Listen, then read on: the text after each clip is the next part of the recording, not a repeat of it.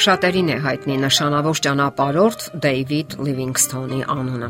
Խորհրդային ժամանակներում նրան ներկայացնում են որպես ընդհանրը ճանապարհորդ, սակայն նա ամենից առաջ եղել է քրիստոնեական ավետարանիչ, սովորել է բժշկություն, որpիսի կարողանա օգտագործել իր գիտելիքները ավետարանչական ծառայության մեջ։ Իր սկզբնական ծառայությունը որպես քրիստոնյա ավետարանիչ նա իրականացրել է Չինաստանում։ Այնուհետև նրան խորհուրդ են տվել ծառայել Աֆրիկա մայրցամաքում, որովհետև այնտեղ ավելի շատ կարիք ունեն լսելու Քրիստոսի բարի լուրը։ Դեյվիդ Լևինգստոնը ուղևորվում է Զամբիա։ Այնտեղ նա հետևորդներ է ձեռք բերում, ովքեր ընդունում են Քրիստոսին եւ վստահում իրենց քարոզչին, որին անվանում են իրենց հայր։ Երբ ավետարանիչը իր երկրորդ ճանապարհորդությունն է կատարում Աֆրիկայում, նրան հետևում են 300 աֆրիկացիներ Մակոլոլո ցեղից, սակայն նրա գումարներն արդեն վերջանում են եւ նա ստիպված է լինում վերադառնալ Անգլիա, որպիսի համալրի գումարները եւ բժշկական նյութերը։ Հրաժեշտ տալով իր ուղեկիցներին նա Զամբիայի ցեղերից մեկի առաջնորդին է հանձնում իր վերջին իրերն ու նյութերը եւ խնդրում նրան, որ հոգա այդտեղ մնացող մարդկանց մասին։ Առաջնորդը համաձայնվում է։ Լիվինգստոնն ասում է, որ ինքն անպայման կվերադառնա, հենց որ ավարտի գործերը հայրենիքում։ Եվ ահա նրա գնալուց հետո տեղի բնակիչները սկսում են ծաղրել նրա հետևորդներին, ասելով. Դուք երբ եւ որտեղ եք տեսել, որ սպիտակ մարդիկ հոգան ու մտածեն սևամորտների մասին, նույնիսկ մի էլ մտածեք, որ նա կվերադառնա։ Սակայն այդ 300 հավատացյալները սպասում են։ Սպասում են 1 տարի, 2 տարի, իսկ ավետարանիչը դեռևս չկա։ Բոլորը շարունակում են ծաղրել նրանց, ասելով, որ ավետարանիչը չի վերադառնալու։ Սակայն սպասողները պատասխանում են Դուք չգիտեք մեր հորը, նա չի խափի, նա անպայման կվերադառնա եւ ամուր հավատով եւ վստահությամբ շարունակում են սпасել։ Այդ ընթացքում ոմանք մահանում են հիվանդություններից, մյուսները սпасում են։ Եվ ահա երրորդ տարում օվկիանոսում երևում է հսկայական շոքե քարշը։ Լսվում է աֆրիկացիների բարձր համերաշխ ճիչը. «Մեր հայրը, նա վերադառնում է»։ Նրանք չեն համբերում եւ լողալով մոտենում են շոքեքարշին։ Բարձրանալով տախտակամած այդ մարդիկ նետվում են դեպի Լիվինգստոնը եւ փարվում նրա կրծքին ասելով. Մենք գիտեինք, որ դու կվերադառնաս։ Որքանով է այս իրական պատմությունը համահունչ Աստվածաշնչյան Քրիստոսի երկրորդ անգամ երկիր վերադառնալու խոստումին։ Մինչև երկինք համբարձվելը Քրիստոսը աշակերտներին ասաց թող ձեր գոտիները մեջքներիդ կապած լինեն ու ճրակները վառած, եւ դուք այն մարդկանց նման եղեք, որոնք իրենց տիրոշն են սпасում, թե նա հարսանիքից երբ կվերադառնա, որpիսի երբ որ գա ու դուռը բախի,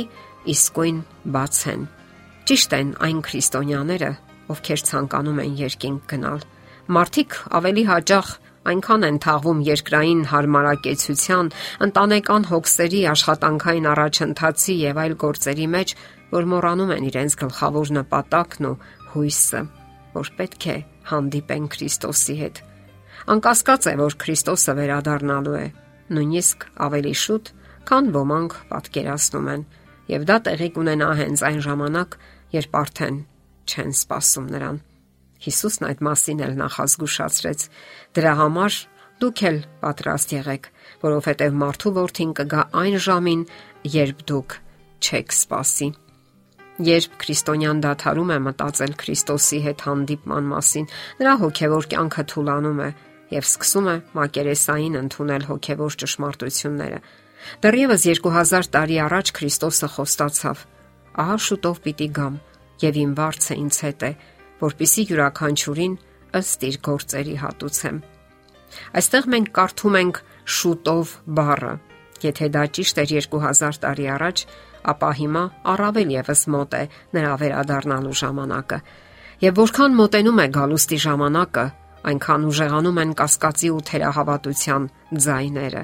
Իսկ ոմանք բացահայտ ծաղրում են սпасողներին ասելով, որ դա հիմարություն է։ Սակայն Այդ մասին եւս նախազգուշացում կա։ Պետրոս Արաքյալը գրում է.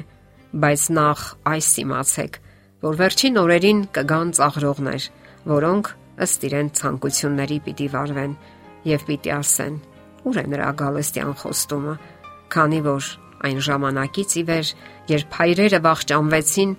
ամեն բան աշխարի սկզբից նույնն է մնում։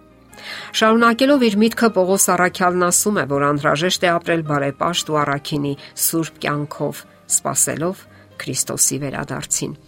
Երանդուն սпасումն օգնում է, որ մենք լինենք հոգևոր պատշաճ վիճակում։ Բավական է մի փոքր թուլանանք եւ սատանան ամեն ինչ կանի, որ ընկնենք անհոգության մեջ եւ դադարենք սпасել աշխարհի փրկչին։ Պողոս Արաքյալը նույնպես նախազգուշացնում է. սակայն սա եմ ասում եղբայրներ, որ այսուհետև ժամանակը կարճ է,